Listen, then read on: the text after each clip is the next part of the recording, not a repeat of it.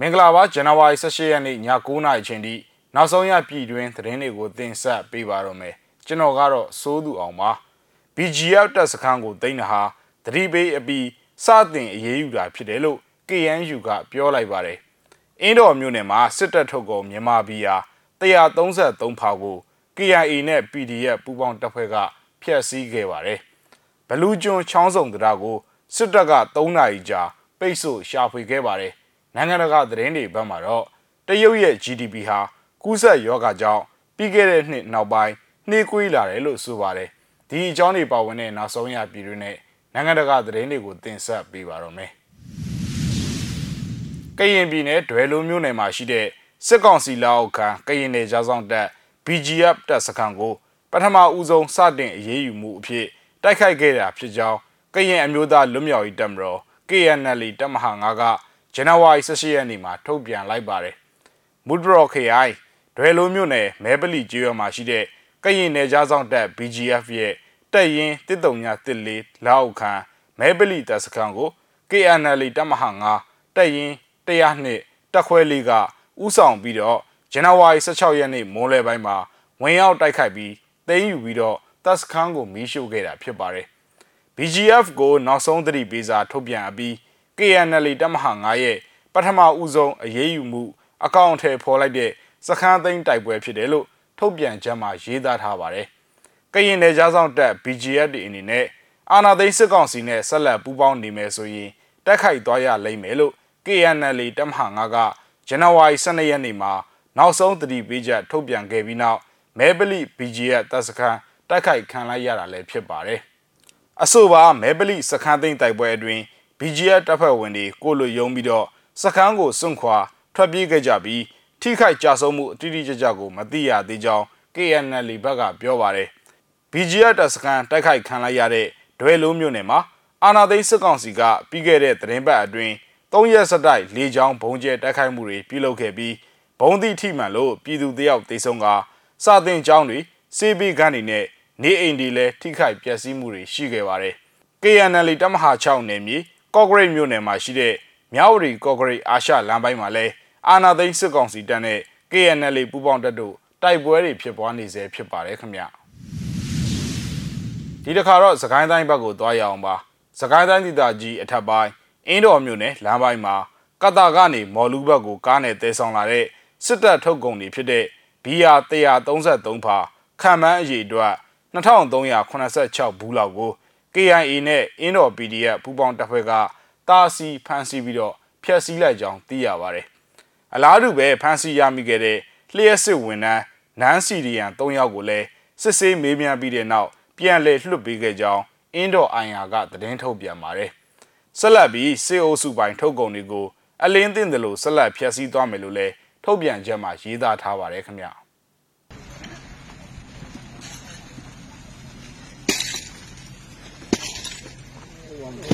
ဒီမှာကြောင်းမှာပွဲရတယ်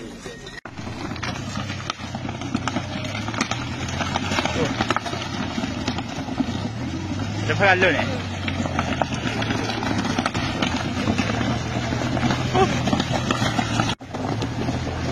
ပါတီပါတီ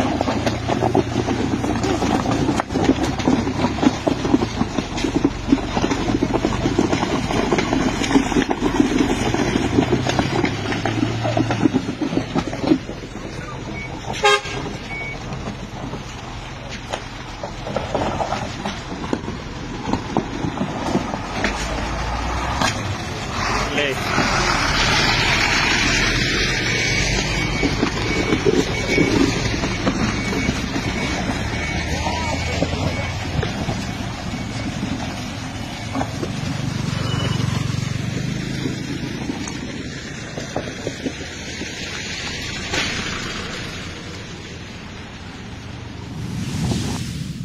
ချမ်းဘတ်စစ်တပ်ကမော်လမြိုင်မှာရှိတဲ့ဘလူးကျွန်းချောင်းစုံတရားကို ဒီကနေ့ဇန်နဝါရီ18ရက်နေ့နေ့လယ်တနာရီကနေစပြီးညနေ3နာရီအထိဖျက်ဆီးတော်လာမှုတွေပိတ်ပင်ပြီးရှာဖွေမှုတွေလှုပ်ဆောင်ခဲ့ကြောင်းဒေသခံတွေစီကနေသိရပါဗျ။ဖောက်ခွဲရေးပြုလုပ်မယ်ဆိုတဲ့သတင်းကြောင့်အဲ့ဒီတရားမှာဖျက်ဆီးတော်လာသူတွေကိုအခုလိုမျိုးပိတ်ဆို့ရှာဖွေတာတွေလှုပ်ဆောင်တာလို့ဒေသခံတွေကဆိုပါတယ်။ပိတ်ဆို့ရှာဖွေမှုတွေပြုလုပ်ချိန်မှာချောင်းစုံတရားအနီးမော်လမြိုင်ပတ်ချမ်းနဲ့ချောင်းစုံပတ်ချမ်းမှာကားနဲ့ဆိုင်ကယ်တွေ ယာနဲ့ချီပြီးပိတ်မိခဲ့ပါတယ်ဒီကနေ့ညနေ3နာရီနောက်ပိုင်းမှာတော့စစ်တပ်ကဘလူးကျွန်းချောင်းစုံတရားကိုပြန်လည်ဖွင့်လှစ်ပေးခဲ့တယ်လို့သိရပါတယ်ခင်ဗျာမကွေးသားစီတာကြီးစောမြို့နယ်ကန့်ကြီးကြီးရွာဘုံတော်ကြီးကျောင်းကိုစစ်တပ်ကဇန်နဝါရီ18ရက်မှာဝင်ရောက်ရှာဖွေပြီးကျောင်းထိုင်ဘုံကြီးကိုဖမ်းဆီးသွားကြောင်းဒေသခံတွေစီကနေသိရပါတယ်။မနေ့တည်းကမင်းတပ်ကနေဆင်းလာတဲ့စစ်ကား၄စီးနဲ့အိစီကားတစ်စီးက ကန့်ကြီးရွာဘုံကြီးကျောင်းထဲရောက်နေကြတာဘုံကြီးကျောင်းထဲမှာရှိတဲ့စံအိတ်တွေပစ္စည်းတချို့ကားပေါ်တင်ပြီးကြောက်ထုအမြောက်တပ်ထဲကိုဝင်သွားကြတယ်။ပြီးတော့အဲ့ဒီအမြောက်တပ်ကနေနောက်ထပ်ကား၄စီးထပ်ပြီးတော့ပြန်ဝင်လာတယ်။ဒီနေ့မှာတော့သတင်းတွေပါလာတာကဘုံတော်ကြီးကျောင်းထဲကစံအိတ်250ကျော်လက်လုံသနက်တွေနဲ့ဆက်ဆက်ပစ္စည်းတွေတွေ့ရှိကြတယ်ဆိုပြီးတွေ့ရတယ်လို့ဒေသခံသတင်းရင်းမြစ်ကပြောပါတယ်။ဒါအပြင်မှာစစ်ကောင်စီတပ်သားတွေကဘုံကြီးကျောင်းကျမ်းပြင်တွေကိုခွာပြီး ရှာဖွေမှုတွေပြုလုပ်သွားတယ်လို့ဆိုပါတယ်။ဘုံကြီးကျောင်းအပြင်ကန်ကြီးရွာထဲမှာရှိတဲ့နေအိမ်လေးလုံးကိုလည်းဝင်ရောက်ဖျက်ဆီးပြီးရွာထဲမှာရှိတဲ့ကွန်စုံဆိုင်ကပစ္စည်းတွေဆိုင်ကယ်တွေကိုလည်းယူဆောင်သွားကြတယ်လို့သတင်းရင်းမြစ်ထံကသိရပြီးလက်တလုံးမှာတော့ဒေသခံတွေကဘေးလွတ်ရာကိုထွက်ပြေးပုန်းရှောင်နေကြရပါတယ်ခင်ဗျဆက်လက်ပြီးတော့နိုင်ငံတကာသတင်းတွေဘက်ကိုလည်းတွားရအောင်ပါတရုတ်ရဲ့ GDP ဟာကူးစက်ရောဂါကြောင့်ပြီးခဲ့တဲ့နှစ်နောက်ပိုင်းနှေးကွေးလာတယ်လို့ဆိုပါတယ် အပြည့်အစုံကိုကြည့်အောင်ပါ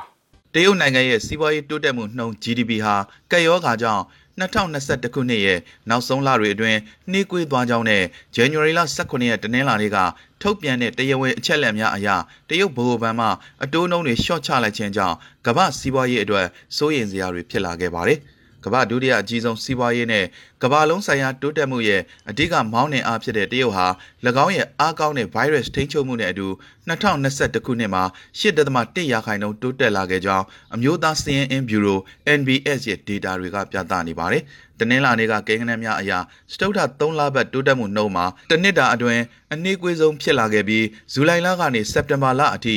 4.9ရာခိုင်နှုန်းကနေ4ရာခိုင်နှုန်းထိကျဆင်းသွားပါတယ်။ တရုတ်ဗဟိုဘဏ်ဟာ၎င်းရဲ့တစ်နှစ်တာချီးငွေအပေါ်အတိုးနှုန်းကို